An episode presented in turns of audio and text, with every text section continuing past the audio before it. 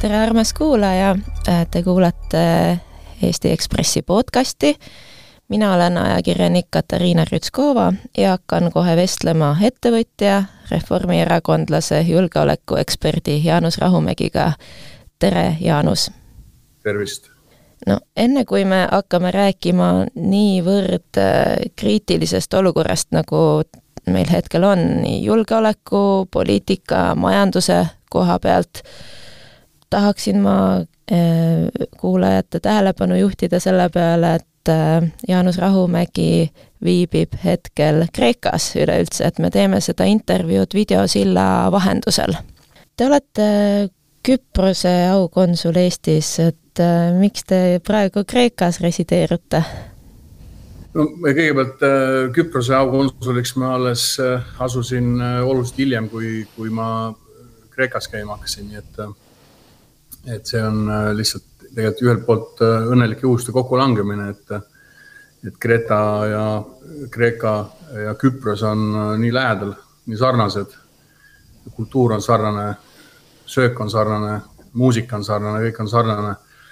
et äh, iseenesest teeb see mulle selle aukonsuliks olemise oluliselt lihtsamaks. kaks tuhat kümme oli see suur skandaal, mis, kui tuli välja, et elate Kreekas ühes äh, nii-öelda luksusvillas ja sõidate äh, džiibiga, äh, kel, mille omanik te ise ei olnud, et te justkui kasutasite siis enda belglasest sõbra vara, ähm, no vähemalt hiljem niimoodi välja tuli. et saate te siis nüüd aastaid hiljem öelda, et see oli teie sõbra vara või, või, või see oli see sõbra villa, kus te elasite või kuidas? see täpselt nii oligi, nagu, nagu sellel ajal räägiti. Ehk et äh, kui nüüd äh, meenutada ja, või ka lugeda neid lugusid, mis, äh, mis sellel ajal ilmus, ilmusid, siis tegelikult ju seal ei olnud mitte midagi sellist, mis oleks ühtegi või teist seadust rikkunud, mingisuguseid norme rikkunud. kus mul oleks jäetud midagi tegemata või deklareerimata, kõik, mis oli vaja sellel ajal üldse võimalik deklareerida. Need olid deklareeritud. loomulikult on võimalik igast olukorrast teha selline noh, kirjutada välja mingisugune selline äh, lugu, mis nii-öelda on, koosneb tõd, pooltõdedest ja jätab lõppkokkuvõttes sellise mulje, et tegemist on ikkagi väga kahtlase asjaga. ja tegelikult midagi seal väga kahtlast ei olnud. seal ei olnud üldse midagi kahtlast, seal oli väga selgelt äh, kirjutatud sellest nendes artiklites, mis seal oli seal ei olnud, ei olnud kirjutatud mitte midagi seda, mis, et oleks olnud mingit seadust rikutud. See, mis seal kirjutati, oli see, et see on ikkagi kõik väga kahtlane, aga äh, lõpuks ju me elame Euroopas, äh, mis põhinevad, äh, põhineb seadustel, mingisugustel normidel ja nii edasi. ehk loomulikult on võimalik, nagu Stalin ütleb, näidake mulle inimest ja ma annan teile, ütlen, annan teile paragrahvi. seda on võimalik teha kõike, aga see oli päris, päris jõhker, see oli päris jõhker, mis Äripäev kirjutas kümme lehekülge ühes ajalehes. ma ei ole enne sellest kuulnud ja näinud ja ei ole näinud ka pärast seda, et midagi sellist oleks kellelegi tehtud. Te ütlete, et jõhker, et mis see siis toona põhjustas teile?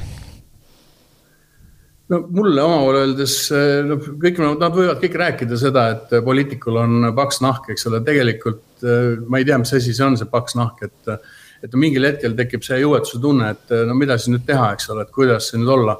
kui su naist solvatakse, kui su naise ema solvatakse, tehakse nad kõik, kes on tegelikult akadeemik ja väga äh, lugupeetud inimene äh, nad tehakse kõik selliseks poolpetisteks siis äh, ja, ja mille eest, et mis siis rik-, midagi, ühtegi seadust ei ole rikutud. kellegi, kellelgi raha ei ole, ei ole ära võetud. Äh, mingit pettust ei ole tehtud, kõik on tehtud nii, nagu Euroopa Liidus on võimalik teha. Ja, ja, ja kuskil ei ole midagi keelatud, korda saadetud, et see kõik jättis sellise, sellise mulje, et, et mis selle idee oli, eks ju loomulikult pärast see idee tuli kõik välja, mis ja kes need seda korraldasid, kogu seda asja. sest kui, kui sa oled kakskümmend aastat sellel ajal olnud julgeoleku business'is, siis loomulikult sa saad kõik lõpuks teada, kuidas see ja miks see juhtus kõik. aga tegelikult, kui nüüd kõik see kokku võtta, siis äh, eks ta tuli mulle tegelikult kasuks selles mõttes, et ma sain sellest poliitikaratast välja et mõned asjad on, mis tunduvad alguses äh, alguses ühtemoodi, võivad tegelikult välja kukkuda hiljem hoopis teistmoodi. kuidas see väljatulemine käis? see väljatulemine käis sellega, et ma tegelikult oma laiskusest oleks hea meelega kandideerinud veel järgmisse Riigikokku, aga see ei õnnestunud ja tänu sellele ma olen täna tegelikult korralikus, korralikus business'is, mida ma olen eluaeg tahtnud teha, mida Eestis ei olnud võimalik teha ja täna olen eluga rahul no selle intervjuu läbiv teema on julgeolek ja te mitu korda rõhutasite, et ei näinud mitte mingisugust äh, rikkumist toona selles, et äh, kasutasite äh, sõbra villat ja autot, belglasest sõbra Erik van Vinkele. Aga kui te nüüd sellele tagasi mõtlete, et kui te olete kõrge poliitik ja kasutate Eh, enda noh, sõbra vara, no selles mõttes, et me ei kasuta võib-olla tema, ma ei tea, kohvi või mingit pisiasja, et, et ikkagi nagu me räägime majast ja, ja, ja sõidukist, et et kas sellel, kas selles ei ole mingisugust sellist nagu julgeoleku küsimust või? No me Ohtu. selle julgeoleku asja, loomulikult me võime selle julgeoleku asja alati ajada sellise ju, juuksekarva lõhki, eks ole, aga noh, kui me vaatame, et me peame vaatama, kes need inimesed on, mismoodi julgeolek tekitatakse, mismoodi üldse äh, tekitatakse äh, turvaline keskkond. see tekitatakse läbi selle, et selgitatakse välja äh, asjaolud, kõik asjaolud selgitatakse välja, kes on need inimesed, mis on nende inimeste taust, mis, mis äri need inimesed teevad, mis nad ärinud enne on teinud ja kui nüüd võtate kõik need, kõik need komponendid üks, üksipulgi lahti ja kes need inimesed on, mis firmad need olid, äh, kas need maksid maksta, kus kohas, kus kohast ühe või teise äh, siis Belgiase nii-öelda sissetulek pärinevad, see kõik on legaalne, kõik on täpselt arusaadav, et inimesed on olnud eluaeg politseinikud, kellega ma asja ajan, politseinikud.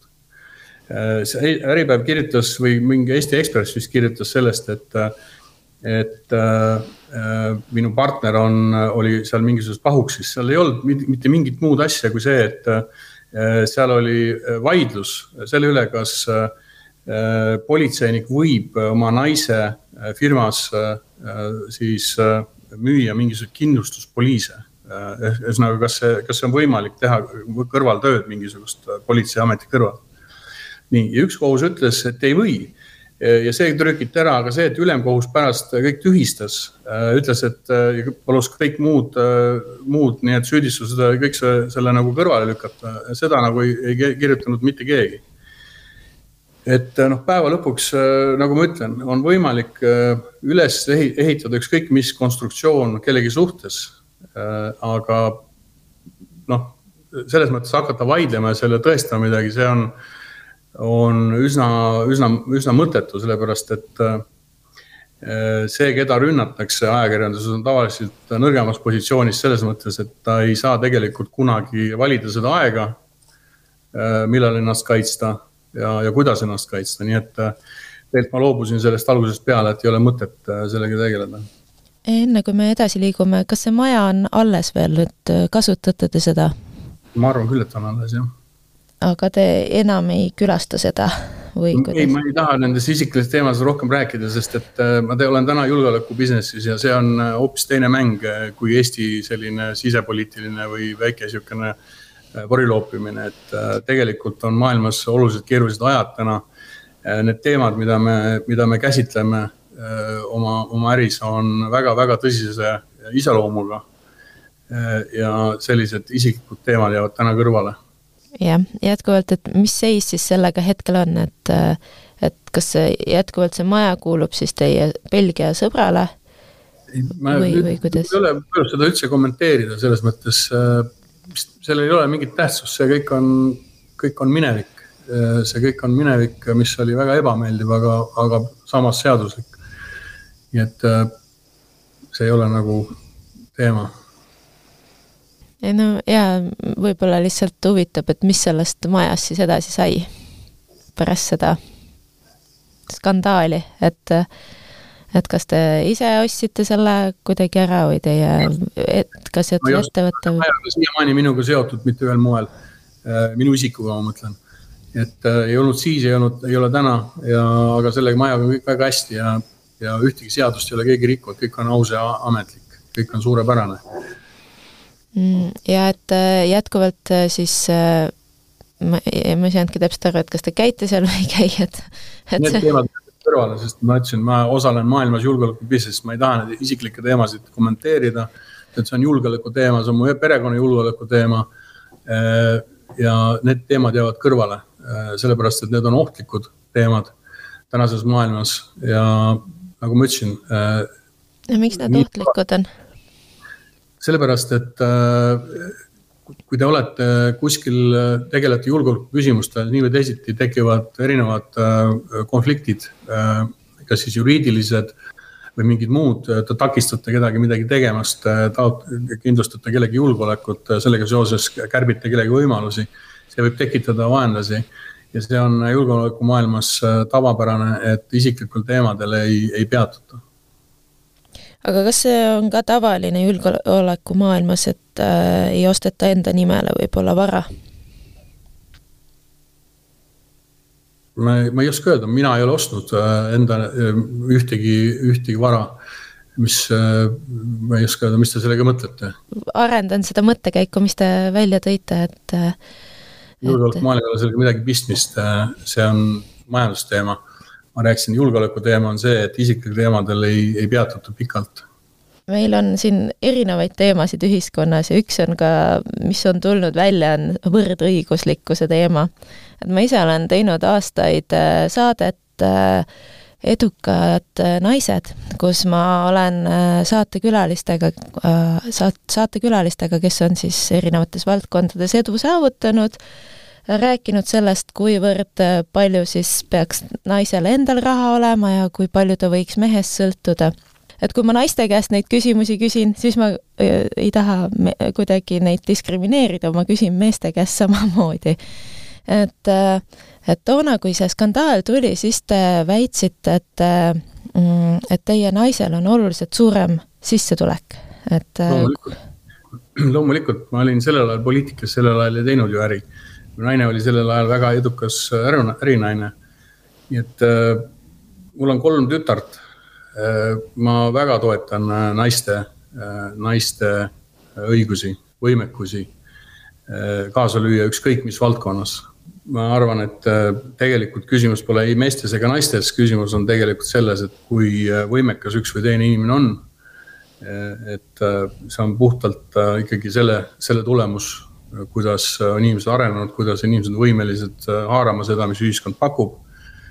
ja ma ei näe nagu selles mõttes mingisugust äh, võimalust, et võiks olla ebavõrdsus naiste või meeste vahel. ja ometigi vaadaks, vaadatakse neid mehi nagu tulnukaid, kelle naised teenivad äh, oluliselt rohkem neist, et, et kuidas teile see toona mõjus, et, äh, et. mulle ei mõjunud see asi selles mõttes, et kui te olete poliitikas ja te tegelete poliitikaasjadega, need on samuti väga olulised asjad, ehk et tegelikult ega eh, kui me räägime nii-öelda mehe-naiste suhetest, siis küsimus pole ainult rahas, eks ole, küsimus on ka mõjukuses, küsimus on prestiižis, küsimus on väga paljudes muudes komponentides, mis, mis nii mehele või naisele võivad ühel või teisel moel mõjuda. ehk et eh, ma ei näe nagu tegelikult selles asjas mingisugust eh, probleemi. et täna on nii, täna on üks nagu piibeleht peal ja, ja nii edasi, ehk et Eh, kui te, kui te just arvate, kui te taha, kui te rõhute sellele, et, eh, et noh, mees peaks ennast halvasti tundma siis, kui naine rohkem teenib, siis ma arvan, et mees ei pea ennast halvasti tundma. ei, ma ei arva, et peab, ma lihtsalt küsin, et eh, kas tunneb? ei, ma ei, ma ei näe seal mingit probleemi. aga kuidas praegu teil olukord on, et see on nagu muutunud, ma saan aru, et ma ei, ma nagu ma ütlesin, et me teeme julgeolekuäri kogu maailmas, eks ole, alates Indoneesiast lõpetades Euroopa Liiduga, et jah, ma usun, täna on, kõik on kontrolli all. hästi, äh, liigume edasi. Mm, räägime sellest, et kuidas nüüd äh, valitsus on äh, reageerinud majanduskriisile.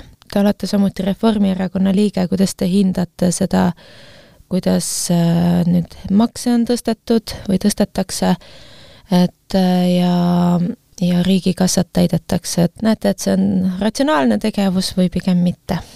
ma maksan küll maksud Eestis, aga mul ei ole üht, Eestis ühtegi klienti, mul ei ole Eestis ühtegi majandushuvi. samas neid võiks olla, näiteks demineerimine Eestis ei ole eraettevõtetele võimalik. näiteks võtame tuulepargid, mida hakatakse ehitama loodetavasti mingil hetkel. ja kui seal avastatakse samal ajal mingisuguseid ferromagneetilisi kontakte merepõhjas, mis võivad olla sama hästi lennukipommid, mis on lõhkemata. ja neid on palju, siis Eesti merevägi ei ole võimeline neid mereparke teenindama nii palju ühe ajal samas me oleme konkurentsis, kus äh, kõik äh, äh, tahavad ehitada tuuleparke. samas see ressurss, mida kasutatakse ehk et insener-tehnilised laevad, kes paigaldavad neid süst-, tuuleveskeid, veskeid merre. Need on, nende arv on piiratud. kui me jääme, nad jäävad kuskile toppama, nende päeva hind võib olla, kõikuda seal kuni saja kuuekümne tuhande euroni Äh, ja kui need jäävad seisma, siis keegi peab selle kinni maksma. ma arvan, et see asi isegi ei jõua nii kaugele, ehk et kui ükski laevaettevõte ei tule Eestis tegema tuuleparke, kui ei ole kindel, et, et seal ei ole ühtegi äh, häirivat tegurit, mis puudutab siis äh, eriti just miine, lõhkemata lennukipomme. Ja kui seal Eesti, kui eraettevõtjad ei saa aidata tuuleparkide raja, rajajaid selles, selles tegevuses, nii nagu me mujal teeme seda Äh, Poolas näiteks oleme teinud äh, ja väga paljudes muudes äh, kohtades, siis me kukume järjekorra lõppu. ehk me võime kõik, kõik lõpuks oma ehitusload kätte saada, me võime kõik hästi teha, aga laevafirmad lihtsalt ei tule, nad lähevad, sõidavad kellegi teisega, kellegi teise tuuleparki ehitama. nii et ma olen soovitanud Eesti poliitikutel see teema kiiresti ära lahendada, sellepärast et selle peale ei ole nagu keegi mõelnud teine teema, mis äh, tegelikult võiks olla eraettevõtetel Eestis lubatud ja, ja nagu tellitud, on just, mis puudutab äh, kriitilist infrastruktuuri. Äh, merepõhjas olevaid kaableid, gaasitoru, millest on räägitud. samuti maa peal olevad infrastruktuuri osasid, eks ju, mis tegelikult nõuab väga täpset julgeolekualast planeerimist sest meil võib olla ka näiteks sõjaolukord, kus äh, meil on armee väga hästi varustatud, aga me tegelikult ei ole suutnud oma tsiviilobjekte, mis on kriitilise tähtsusega, äh, kindlustada. ja selles olukorras äh, tegelikult, kui rahvas on surutud põlvili mingisugusel muul moel kui sõjaliselt, siis see tegelikult see efekt on täpselt sama. ja siin ei ole mõtet silmi kinni pigistada selle, selle valdkonna ees, mis puudutab tsiviilelanikkonna kaitset, äh, infrastruktuuri kaitset. ja selleks, et seda korralikult maailma tasemel äh, korraldada, selleks on vaja äh, väga kõvasid spetsialiste, väga tugevaid spetsialiste, kes on, kes saavad aru sellest teemast, kes on võimelised vastavaid kontseptsioone ja plaane looma ja neid ka siis vajadusel ellu viima. ja tegelikult riigiettevõtetes tänasel hetkel on äh, Äh, selliseid inimesi olemas. Äh, et riigiettevõte, ma mõtlen siis äh, riigistruktuurides nagu politsei, päästeamet ja nii edasi. Need inimesed lähevad kõik varem või hiljem pensionile, aga neil ei ole tööd ehk et nad jäävad lihtsalt nagu Elmar Vaher läks täna, ma saan aru, posti, posti, postiljooni firmasse. mis mis on nagu meeletu raiskamine. mis mõttes meeletu raiskamine? selles mõttes meeletu raiskamine, et äh, sellistel meestel on äh, niivõrd tohutu pagas, julgeolekupagas, äh, kes võiksid pakkuda oma teadmisi eraettevõtetes. Luu-, et, et luua mingisuguseid väärtuseid, mis peaksid meid kaitsma mingil hetkel kõiki. nii et meil täna on, me oleme, elame Eestis seda perioodi, kus äh, Äh, kus äh, väga paljud äh, ameti, ametimehed, kes on olnud politseis kolmkümmend aastat, kakskümmend aastat, väga kõvad profid. Nad on kaitsepolitseis olnud, nad on politseis olnud, päästeametis, nad pensionitele, nad lähevad ära nendest ametitest. aga nende inimeste teadmised on kulda väärt, need on kulda väärt teadmised, mis, mis inimesed endast kannavad et neid teadmisi on võimalik kasutada üle maailma, ma näen praegu põhiliselt, kus oleks võimalik ja vaja neid kasutada, oleks Ukraina riigi ülesehitamisel. aga te ei teinud siis Elmar Vaherile ettepanekut enda ettevõttes kuidagi kaasa lüüa? ma seda ei, praegu ei kommenteeri. aga, aga põhimõtteliselt küsimus ei ole ainult Elmer Vaheris, küsimus on tegelikult kõikides nendes meestes ja naises, keda me väga paljusid ei tunnegi. ja tegelikult nende ressurss on nii meeletu tähtsusega. see on võimalik kõik ikkagi materialiseerida nii-öelda Eesti majandusse selle asemel, et väga sageli täna Eesti nii-öelda spetsialistid, IT-spetsialistid müüvad seda IT-lahendusi, mis Eestis on, on loodud äh, nii-öelda pähklite eest ja kiituse eest kuskil mujal, eks ju. selle asemel, et teenida miljoneid, mida, mida see, need teadmised tegelikult väärt on. nii et see suhtumine tegelikult peaks nagu muutuma oluliselt globaalsemaks, laiahaardelisemaks Äh, nendes majandusküsimustes, mitte nokitseda ainult omaenda nina ees siin Eestis. ma saan sellest jutust aru, et äh, teie arvates on äh, Eestis julgeolekutöötajad nagu tänamatus ametis, et neid ei väärtustata piisavalt? ma, ma arvan, et noh, loomulikult neile antakse medaleid, eks, ja, ja neid väärtustatakse sellisel moel. aga peale seda, kui nad on lahkunud, siis minu USA partnerid näiteks äh, see on nagu nendel verega kaasas äh, sünnist saadik, et kui nad, kui nad lahkuvad oma äh, väga kõrgetel positsioonidelt USA riigiamet, julgeolekuametitest, siis nad äh, kas loovad oma firmad või, või liituvad mingisuguste teiste büroodega ja hakatakse looma väärtusi alates sellest, et näiteks konsulteeritakse Hollywoodi filmitööstust luurega seotud filmide tootmisel, et oleksid võimalikult realistlikud ja, ja, ja ka põnevad Äh, kuni, kuni noh, reaalsete julgeolekutoiminguteni välja, eks. Äh, mis, mida Eestis äh, täna nagu ükski seadus nagu öö, otseses mõttes öö, ei reguleeri. ja ma arvan millegipärast, et kui, kui Eestis tahaks keegi midagi sellist tegema hakata, siis ümber selle maja, kus see kontor asub, hakkab liikuma, käima väga palju kaitsepolitseinikke. see on nagu Eesti majanduse jaoks võõras aga globaalse majanduseks on täiesti äh, reaalne äh, majandusharu, julgeoleku business. siiski pigem, kas te toetate Kaja Kallase valitsust või mitte? ei, muidugi ma toetan Kaja Kallase valitsust, ega nad ju tegelikult äh, midagi valesti ju ei tee, eks, et ainus asi, mis minu hinnangul on seal parandamist, ma laseks lahti kogu selle äh, nii-öelda selle kommunikatsioonibüroo, mis on valitsuses see kommunikatsioon võiks aga no oluliselt parem olla, et inimesed saaks aru tegelikult, miks mida tehakse. Sest öelda, et noh, majandus on, majandus peab korras olema, see on arusaadav, eks, aga tegelikult äh, tuleb natuke rohkem sellest rääkida, teemad lahti arutada ja ma arvan, et seal on kommunikatsioonis just äh, paremat, äh, paremat taset nõuda mõistlik. Te arvate, et ainult kommunikatsioonis on asi, mitte otsustes endas? kui päris ausalt lõpuni aus olla, siis ma, ega ma ei ole väga süvenenud nendesse teemadesse, ma ei tahaks nagu minna sellesse valdkonda, mis ma nagu ei pea enda jaoks kõige tugevamaks, kui selleks on vaja süveneda, aru saada, miks üks või teine asi on tehtud, ma oleks pidanud rääkima nende poliitikutega, kes neid otsuseid on teinud, ma ei tea tegelikult. ja ma võtan seda üldist olukorda ikkagi sellise tavalise poliitika tarbijana, kes loeb uudiseid äh, ajalehest ja internetist. ja teeb selle järgi oma otsused, ehk et veel korra, kui, kui mul, mina asjast aru ei saa, siis ma usun, et äh, väga paljud teised ka äh, on selle kommunikatsiooniga natuke hädas hästi, aga maffiaprotsessist äh, tahaksin ka teiega rääkida, et no nii-öelda sajandi maffiaprotsessist Hubert Hirve ja Pavel Kammeri üle, mis kestis aastaid, kus neid siis peeti vanglas kinni hiljuti tuli just otsus, et nad saavad elektroonilisele jälgimisele, et äh, nad ei pea enam äh, nii-öelda trellide taga istuma.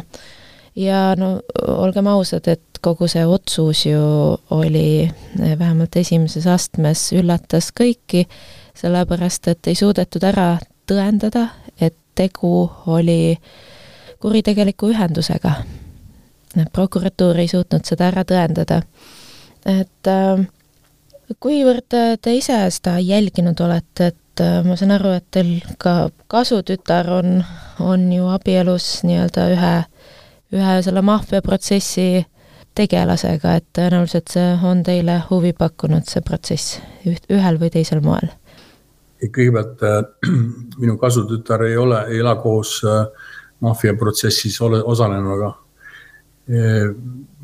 ma ei ole sellele eriti tähelepanu pühendunud tõepoolest, ma ei, ma ei tea neid asjaolusid, ma ei tea Eesti kriminaalsest olukorrast suurt midagi peale seda, kui ma lahkusin Eesti politseist. Ma usun, et Eesti kohtusüsteem on täiesti pädev hindama neid äh, asjaolusid, äh, tegema otsuseid äh, siis positiivseid ühele või teisele isikule või negatiivseid.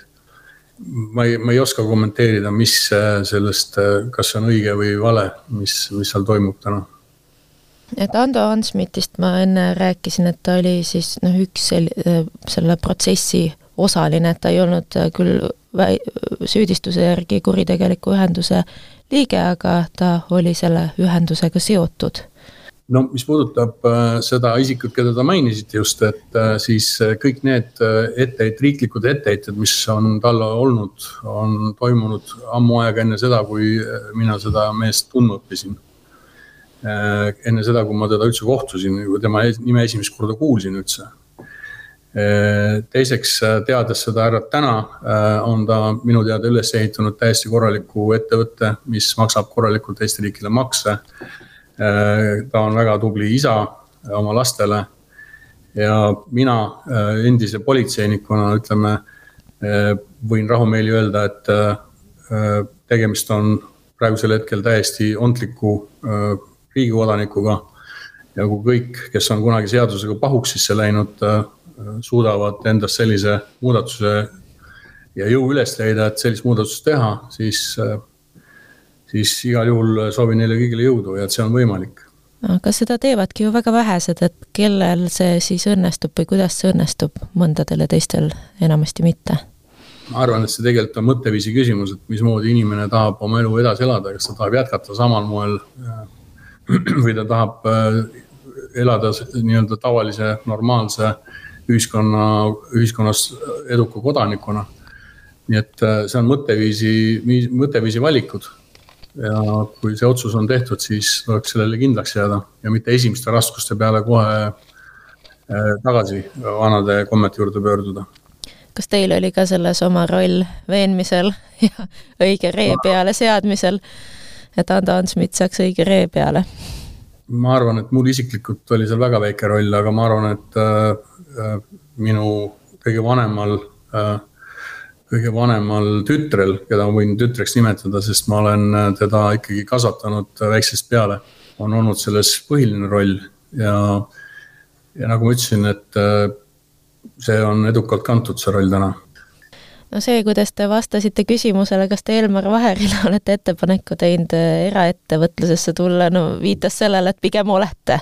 noh, te väitsite ka seda, et äh, seejuures, et see Vaheri Omnivasse minek on justkui raiskamine ei no selles mõttes selle, selle ettevõtte jaoks, selle Omniva firma jaoks on ta täiesti, täiesti selgelt on lotovõit, eks ju, et Elmar Vaherd on suutnud üles ehitada äh, ühe kõige lugupeetavama Äh, ja austatavama organisatsiooni Eesti Vabariigis, Eesti politsei.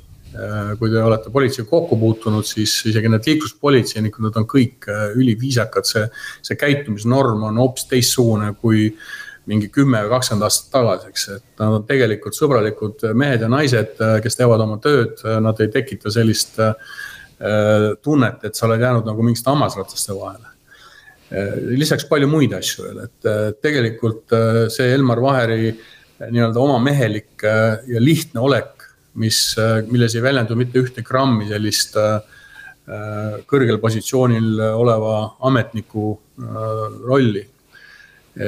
siis see kõik on mõjunud sellele organisatsioonile suurepäraselt, et ja, ja see, kui selline mees läheb nii-öelda siis sellesse Omnivasse siis äh, on täiesti selgelt äh, äh, see tulemus, mida ta sealt välja annab selle nelja kuuga, ma saan aru, saab olema suurepärane. ehk need kogemused, mis tal on kolme erineva ameti ühendamisel, politsei, siis piirivalve ja, ja migratsiooniameti, kui te mäletate, oli selline asi. siis need kogemused on hindamatud administratiivses mõttes aga samal ajal on hindamatud ka tema kogemused julgeoleku loomises. ehk et see loogika, kuidas vältida näiteks korruptsiooni, kuidas vältida mingisuguseid muid tüsistusi, mis, mis võivad juhtuda. kas siis organisatsioonide sees või või, või siis riigiasutustes, et see julgeoleku pool jääb, läheb nagu raisku jaa, et ta on ju ühtlasi ka kelmuses kahtlustatav, et mis te arvate, kas äh, see, et ta Omnivasse läks, on ikkagi selline isiklik haavumus? ei, ma ei arva, ma arvan, et äh, tegelikult eks ta, äh, eks ta mõtles oma väljakutse peale, sest Elmar on veel selles vanuses, kus tal on veel nii-öelda pool äh, sellist tööaega on veel ees, eks elus, et tal on veel nagu palju äh, asju teha oma elus veel äh, nii-öelda karjääri mõttes. ja ma arvan, et äh, see neli kuud, mis ta seal vähemalt tänase info järgi siis on, on, on talle selline päris hea ajaveetmise vorm suve läbi, eks, et arvestades, milline intensiivsus on politsei tegevuses, siis Äh, nagu ma Elmarile ka ütlesin, siis ega ta ei suuda istuda seal rannas äh, üle ühe päeva. et ta tahab tegutseda ja ma arvan, et see ongi see, miks ta, miks ta, miks ta läks sinna. Aga kas pärast seda, kui neli kuud saab täis, on ta võib-olla teie ettevõttes? ma ei, ma ei tea, ma ei oska öelda, äh, kus ta siis on ta peab Elmari käest küsima, aga igal juhul on ta selle piirkonna üks parimaid spetsialiste julgeoleku valdkonnas Estoniast ka natukene, et äh, kui siin paar aastat tagasi tuli film äh, välja, mis näitas, et äh, Estonia vrakil on auk ja teha tuleks täiendavad uuringud, siis te pakkusite ohutusjuurdluse keskusele abi äh, hangete korraldamiseks, meeskonna koostamiseks ja nii edasi. et äh, aga toona ei võetud teid kuulda, mis seal Estonia ümber siis toimub? no see on selline järjekordne näide, kuidas, kuidas kõik on alguses võimalik, kõik on nagu noh, kõik ühiskondlik ootus on olemas, kõik võimalused on olemas. Kõik põhimõtteliselt on, on valmis nagu tegutsema. ja, ja, ja võitjatena välja tulema sellest asjast, see, see, see algne, kõigepealt see algne idee oli selles, et meil on täna Eestis kõik võimalik, et me ei pea minema käsi pikalt välja rootslaste juurde ega soomlaste juurde, vaid me võime rahumeeli teha seda ise. Eesti riik võib seda ise teha, me leiame selle ressursi, me suudame kokku panna, komplekteerida sellised meeskonnad, kuulutada välja professionaalsed hanked. see teadmine oli meil kõik olemas, me pakkusime seda, seda valdkonda ja, ja aga peale jäi nii-öelda selline riigikeskne uurimine, kus kus tööle võeti siis, kus võetigi tööle reaalselt inimesed ametnikena. Mis oli nii-öelda risti vastu sellele, mis ettepaneku meie tegime, kus tegelikult oleme vaja lepinguliselt ajutiselt võtta tööle eksperdid, kellel on ka vastav ettevalmistus just nimelt taoliste operatsiooni läbiviimiseks, analüüsimiseks. ja pärast seda, kui töö on tehtud, siis nii-öelda neid ei ole enam palgal, et see ei ole nagu koormus riigi jaoks.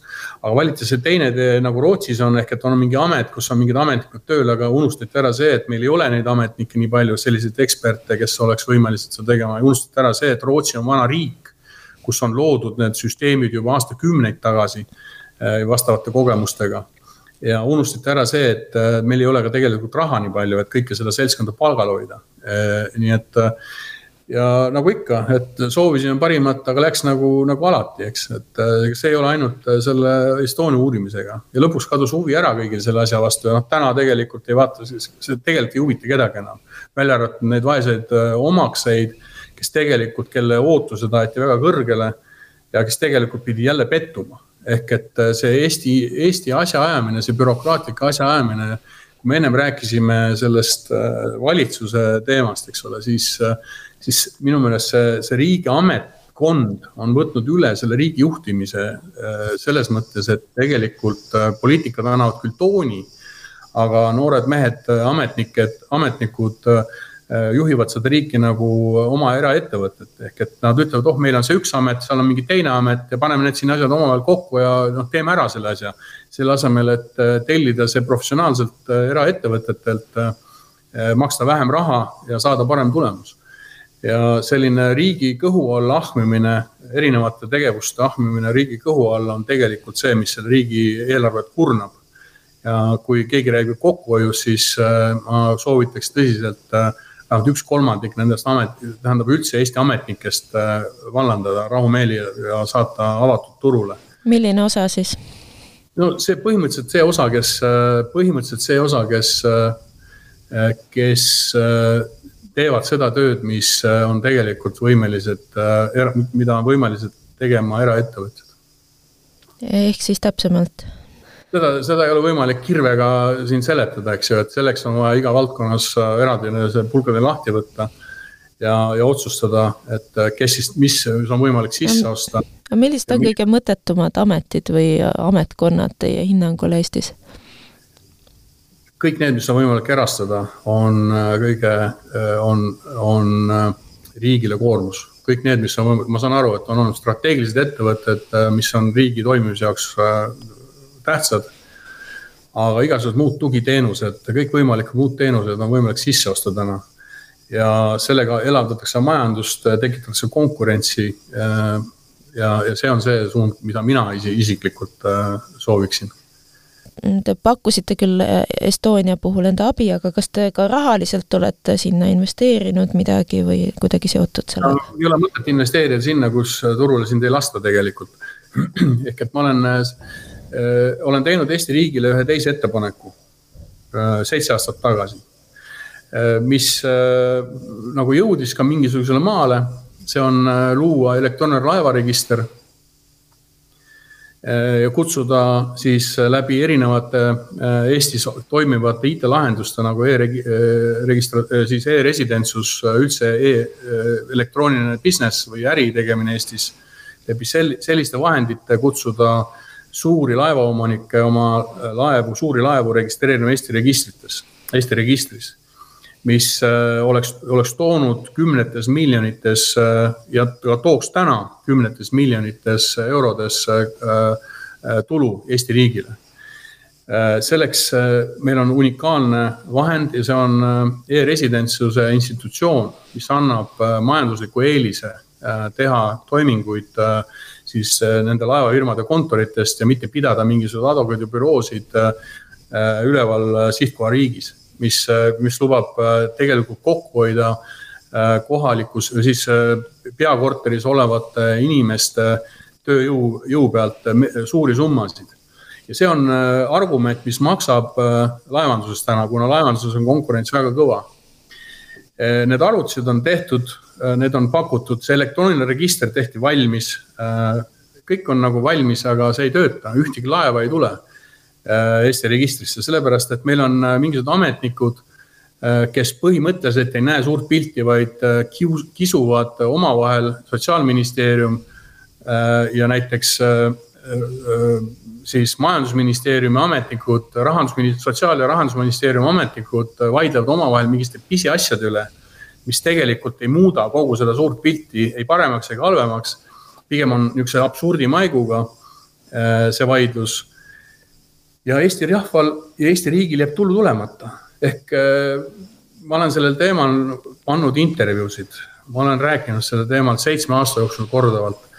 Äh, ma, ma ütlen ausalt, ma rohkem sellel teemal ei jõua rääkida ja ma olen loobunud selle teemast, sest äh, seal ei olnud ühtegi kaotajat kogu selles registri teemas ei ole mitte ühtegi kaotajat, kõik oleks olnud võitjad, oleksid ka siiani võitjad. aga seda ei tehta, me räägitakse meil räägitakse sellest, et, eh, et hoiame kokku. aga mina räägin sellest, et teenime rohkem. Eh, aga ei taheta teenida ja miks, ma ei oska öelda, et ma ei oska öelda, kus see, kus see konks on. Te olete ühtlasi ka nii-öelda karatemeister, millal te viimati enda oskuseid kasutada saite? Ma sain oma oskused kasutada viimati siis, kui ma olin Eesti Karate Föderatsiooni president ja äh, kus äh, me siis nii-öelda minu nii-öelda neid teadmisi saime administratiivses mõttes ellu viia. jah, see oli viimane kord et kunagi teil oli ka kaklus rikaste topi liikme Marcel Vihmaniga, et kus te talle siis, mis võttega te talle pähe virutasite? Kuidas no, seda nimetatakse karate ees? ma ei julgeks nimetada niisugust intsidenti kakluseks, et kaklus tavaliselt kestab mõnda aega.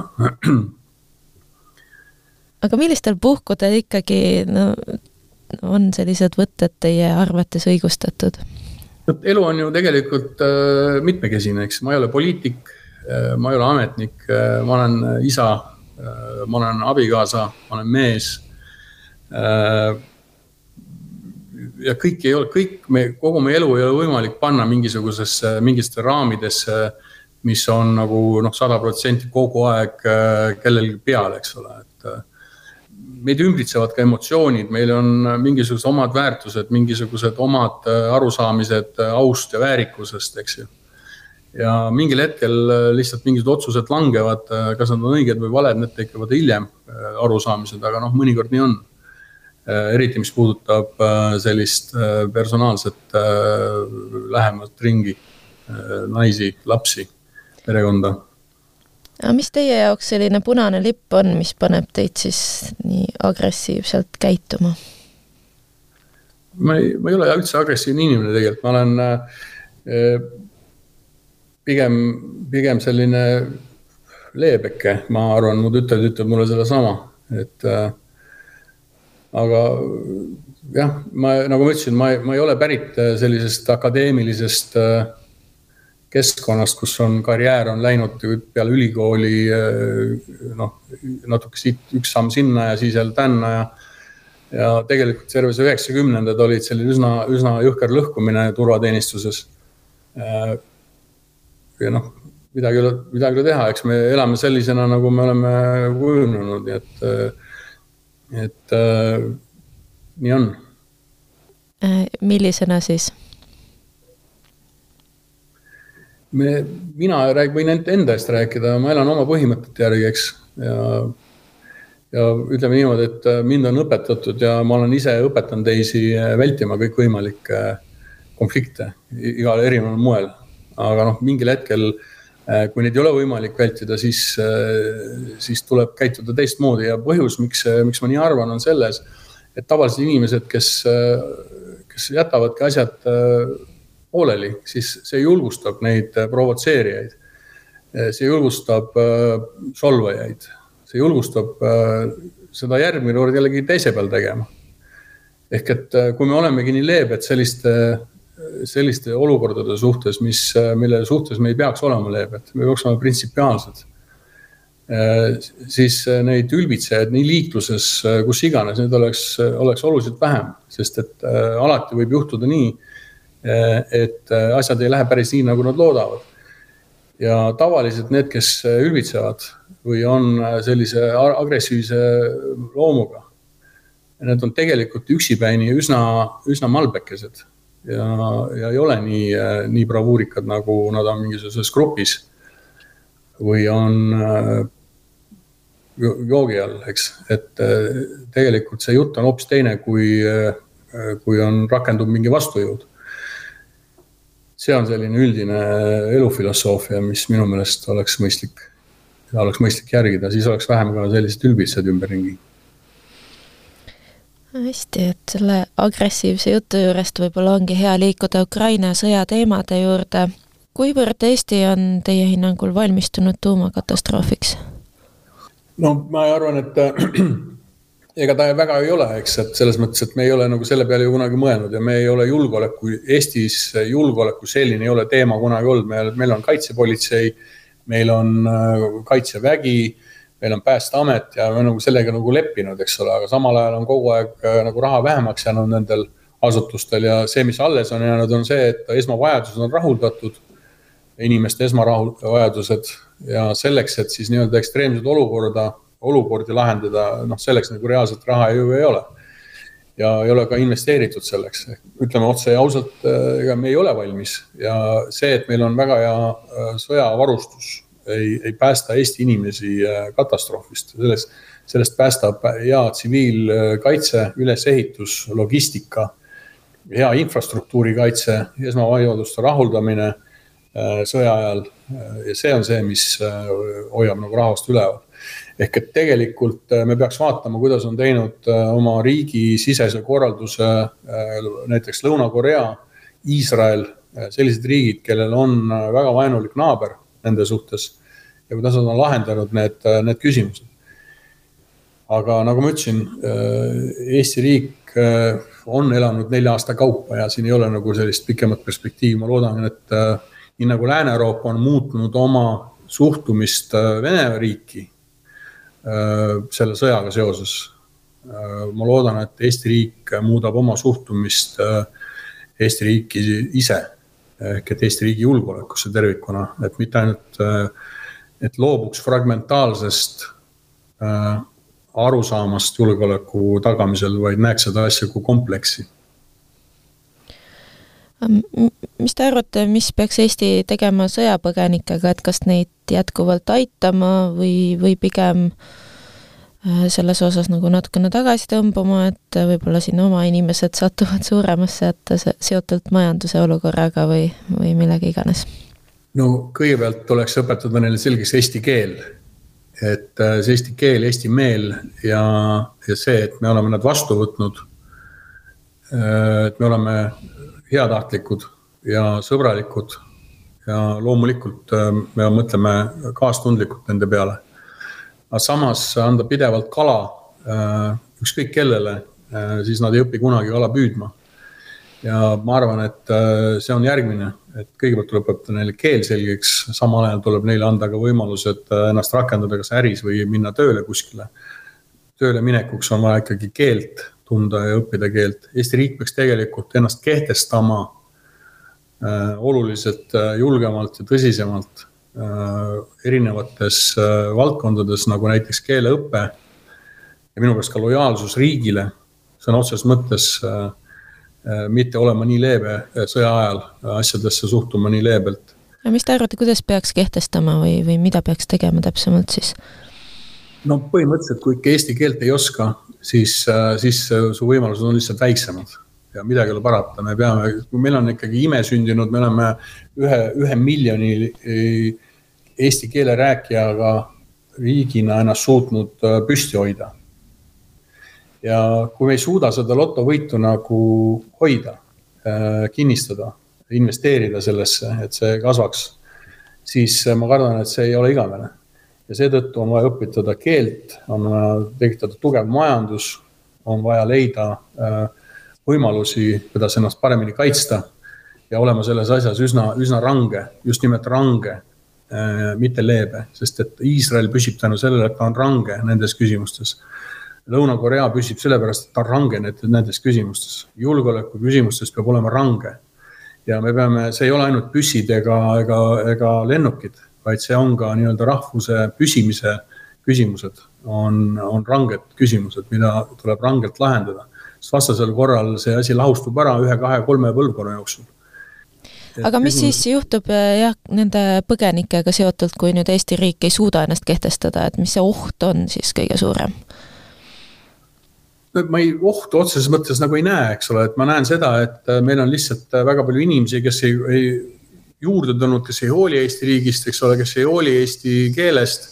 meil on olnud neid juba täna piisavalt, eks ole, kes täiesti selgelt on vaenulikud Eesti riigi suhtes ja kui sinna tuleb juurde veel neid osa, mitte kõik kindlasti, aga kui neist muutuvad mingil hetkel mingitel asjaoludel selliseks koormaks, keda on vaja kogu aeg aidata, siis seal ei ole ju kasu sellest midagi, me ühelt poolt küll aitame inimesi, aga teiselt poolt me peame suutma ka nendest mingisugust kasu lõigata Äh, rahva majanduse äh, kõige jaoks, selle majanduse jaoks tervikuna, eks ju, et äh, selleks, et seda saaks teha, selleks on vaja neile keelt õpetada. No mis te Ost... mõtlete, et osa on vaenulikud, et keda või mida te silmas peate? Eestis või? me teame seda kõik, et Eesti venekeelsest elanikkonnast vähemalt üks kolmandik on Eesti riiki suhtes vaenulikult meelestatud. Nad, see ei ole ühtne mass, vaid on täiesti selgelt on nad vaenulikult meelestatud Eesti riigi suhtes, ükskõik, tee mis tahad, nad jäävad vaenulikult meelestatuks. ja see on see, mis on, millega me peame arvestama riigisiseselt. Majanduse olukorrast ka Eestis, et no kuidas teile hetkel tundub, et mis suunas on asjad liikumas, et kas siin sügisel lähevad asjad keerulisemaks ja, või, või vastupidi, et milline teil nagu nahal see tunnetus on? nagu ma ütlesin, ma Eestis ju äri ei tee, ma ei tea Eesti majanduskeskkonda, ma ei tunne neid hoovuseid aga arvestades äh, seda, et äh, sõda on käimas täie hooga. Äh, sõda täiesti selgelt mõjutab nii investeeringuid, nii turismi. inimesed kardavad tulla Eestisse, turistid näiteks, kardavad siia investeerida. mitte ainult Eestisse, aga ka Lätti ja Leetu. seetõttu, et nad ei tea, kuidas see lugu lõpeb nii et ma ei ütleks, ma julgeks loo, kinnitada, et igal juhul kõik hakkab hästi minema, noh, kuna asjaolud ümberringi seda ei luba. Samas, kui me suudame oma olemasoleva ressursi baasilt seda nagu tekitada, majanduskasvu, siis tuleb aplodeerida eh, Eesti rahvale ja tuleb aplodeerida ka valitsusele. Eh, et nii on, et ja loomulikult ma paneksin kõige esimesena ikkagi ettevõtjad ehk et ettevõtjad on need, kes reaalselt loovad lisaväärtust riiki, kes loovad töökohti, kes loovad äh, maksubaasi, mille pealt ametnikud saavad siis hästi elada. Teie turvafirma ESC äh, oli kaks tuhat kakskümmend üks oli kahjumis, et äh, kuidas on nüüd sõja puhkedes läinud majanduslikult ettevõttel? nagu ma ütlesin, selle mereturvateenistuse, mille pealt me oleme elanud esi, viimased kümme aastat äh, väga hästi, kukkus oluliselt see turg. Äh, kukkus oluliselt turg seoses sellega, et piraatlust oli vähem. Äh, nüüd äh, turvaturul või mereturvaturul on kõige edukamad need ettevõtted, nende riikide ettevõtted, millel on oma koduturg olemas, ehk et britid, kes sõidavad Briti laevade peal, kus on väga ranged reeglid. kreeklased, millel on meeletu laevastik ja kus sõidavad Kreeka, Kreeka firmad. Eestil ei ole ühtegi laeva, meie sellel Eesti eraturvateenistusel, mereturvateenistusel ei ole koduturgu. meil ei ole koduturgu, me oleme maailmaturul nii-öelda üksi, ilma koduturuta, meid ei kaitse mitte üks seadus, Eesti riigi seadus ei kaitse turul nagu kreeklasi või britte. ja me oleme suutnud selle vastu pidada kümme rahulikku aastat. ja peale seda, kui piraatlus vähenes, vähenes ka turg ja sellega seoses me oluliselt kukkusime. aga nagu ma ütlesin, meil on siin silmapiiril äh, nii mitmeidki muid äh, valdkondi, mida me täna üritame üles ehitada. Äh, ma usun, et julgeolekuvaldkond kasvab üldse, kolime väga palju maa peale ja vee alla.